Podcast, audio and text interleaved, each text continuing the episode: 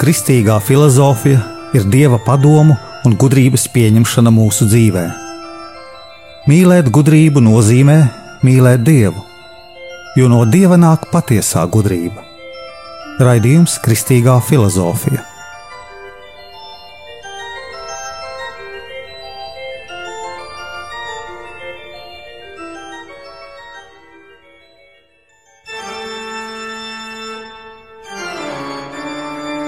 Es esmu Jānis Valtra-Vitsenheims, un ar jums ir 14. raidījums Kristīgajā filozofijā.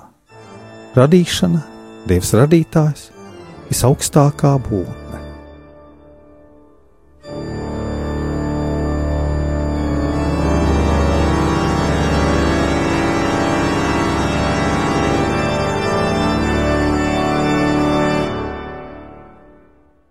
Ievadā noklausīsimies Jēzus tēvu Staņslavu Ladusānu. Dabiskā teoloģija ir filozofiskā mācība par Dievu. Dievs tā ir augstākā būtne, visaugstākā būtne. Dievs kas latviešu valodā tā saucās Dievs, un citās valodās sauc kā goti, kā buki, kā boki, kā arī citādi šie vārdi apzīmē visaugstāko būtni.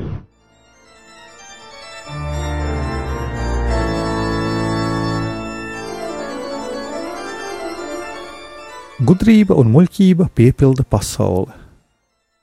Kas ieiet gudrības mājā, tiek barots ar komuniju, kas muļķības mājā ar nāvi.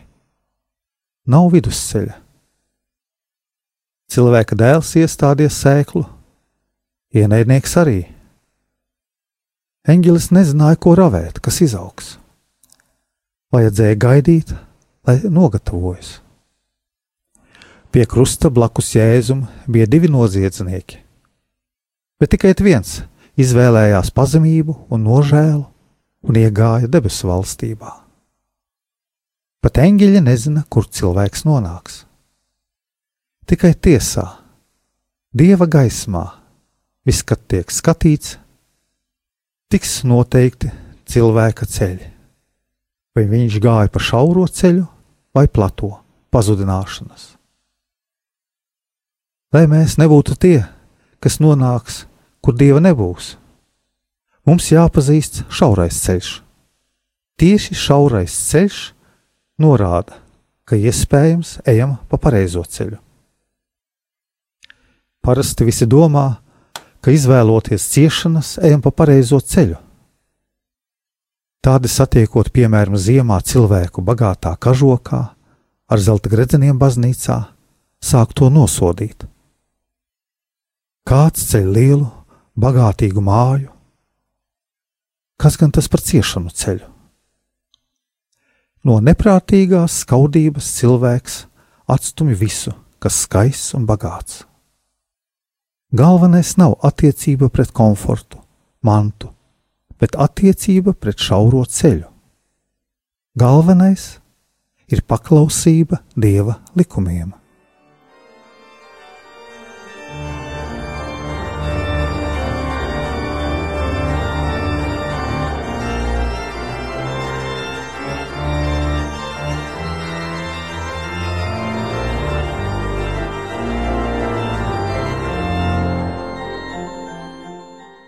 Mēs esam nonākuši filozofijā pie viena svarīga jēdziena, proti, radīšana. Ko tā nozīmē? Radīšana nozīmē būtnes izcelsmi no absolūta nekā. Tāpēc šeit cilvēka prāts ir ieslēgts ne radīšanas, bet pārveidošanas pieredzē. Piemēram, tiek izveidots galds, un šī celtne, pateicoties iepriekšējam materiālam, izveidojās tāda, jo materiāls tika pārveidots. Galds agrāk bija nekas. Agrāk bija koks, galda nebija. Amatnieks kaut ko radīja, proti, galdu, un tai pašā laikā neradīja. Viņš neradīja koku, atrada kā iepriekš eksistējošu. Ir viens radītājs, kas rada arī galda materiālu simtprocentīgi.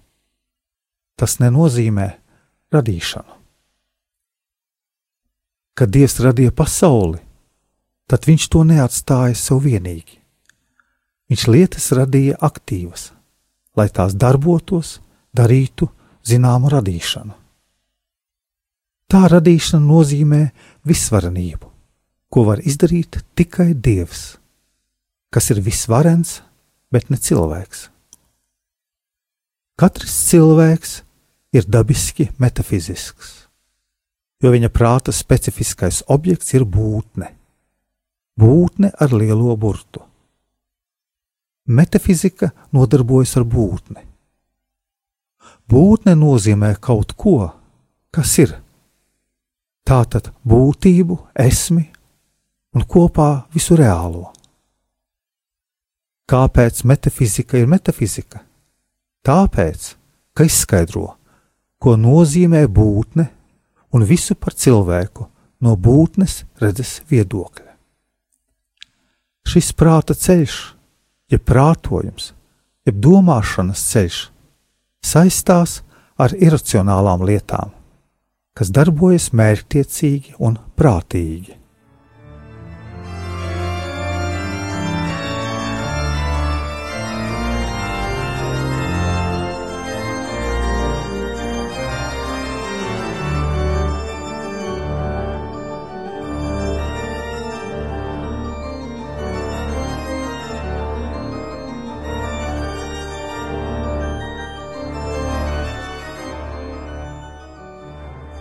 Starp būtni un darbību pastāv brīnišķīga kārtība.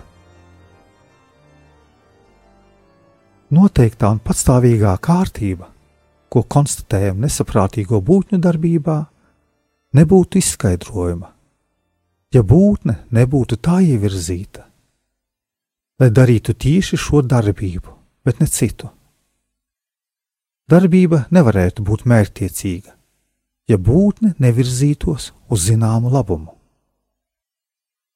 Ievirze, kas sasniegtu labumu, ir dabiskā mīlestība, kas valda visā universā un ko nesaprātīgās būtnes neapzinās. Darbīgā būtne darbojas pateicoties mērķim. Nesaprātīgo būtņu vidū mērķis neeksistē reāli. Tas nav pazīts. Piemēram, Putnas perē. Mērķis nākošie putni, sugas uzturēšana.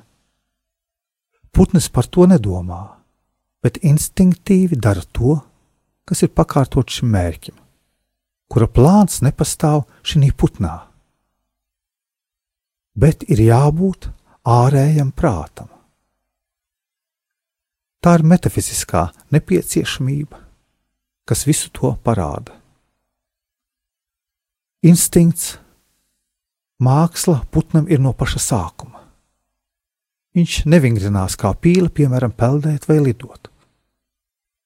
Turpinoties, instinkti vienmēr paliek tie paši bez mainīšanās.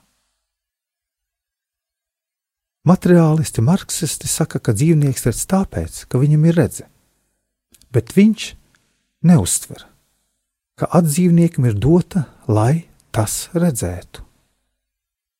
Tā ir ļoti liela starpība. Tāpat ausis uztver skaņu, un skaņas uztveršana dzīvniekam nes labumus. Viņš mākslinieks izbēgt no bailēm, no briesmām un saklausīt vajadzīgo savā dzīvē. Ja nebūtu acs, auss, viņš tūlīt pazustu, ietu bojā. Brīnišķīgie orgāni pakārtot dzīvējas būtnes labumam ir tā izplānoti, lai būtne dzīvotu, un, lai būtne dzīvotu, tas viss pieprasa prātu, kas to visu ir izveidojis. Mūsu prātojums attiecas uz dabīgām būtnēm, kas nav racionālas, kas nav ar prātu apdāvinātas, bet kas darbojas mērķtiecīgi, saprātīgi. Kā mums to izskaidrot? Ka dabīgās būtnes bez prāta darbojas prātīgi un mērķtiecīgi? Mēs to saprotam noteikti un nemaldīgi. Jo darbīgās būtnes darbojas noteikti, patstāvīgi un vienmēr. Katrai būtnes sugai ir savi likumi, pēc kuriem viņš darbojās. Arī cilvēks ir noteikts, jo viņam ir dzīvē mērķis. Mērķtiecību mēs pazīstam pateicoties noteiktībai. Mērķtiecīgajā ritmā, kas ir noteikts un patstāvīgs, būtnes sasniedz rezultātus, kas nes labumus viņām pašām un arī pasaulē. Būtnes vairojās un piepilda pasauli. Milzīgais lietu daudzums un dažādība tiek sakopota vienībā. Tas nozīmē universu, tā kā to saprot prāts, ar kuru ir apdāvināts cilvēks. Ir iekšējā un ārējā kārtība. Iekšējā kārtība, kas ir dzīvajās būtnēs un arī cilvēkā, sastāv no liela daļu daudzuma, oža, garša, dzirde, un tiek pakārtot cilvēka labumam, lai viņu uzturētu. Mūsu es ir viens vienībā. Cilvēks ir vesela vienība. Ārējā kārtība ir ārpus dzīvajām būtnēm.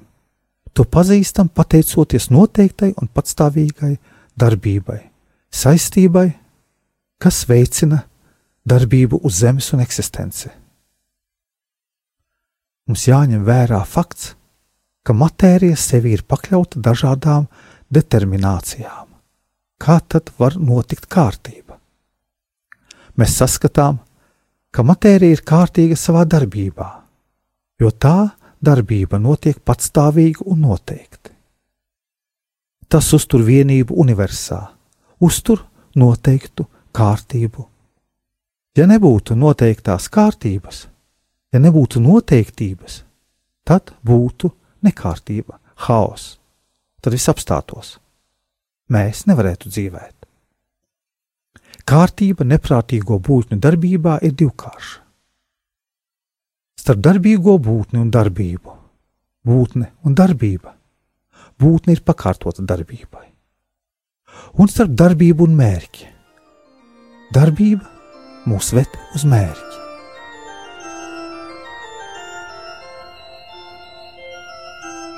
Jūs klausījāties raidījumu kristīgajā filozofijā. Radīšana, Dievs radītājs kā visaugstākā būtne. Raidījumu vadīja Jānis Valtervitenheims.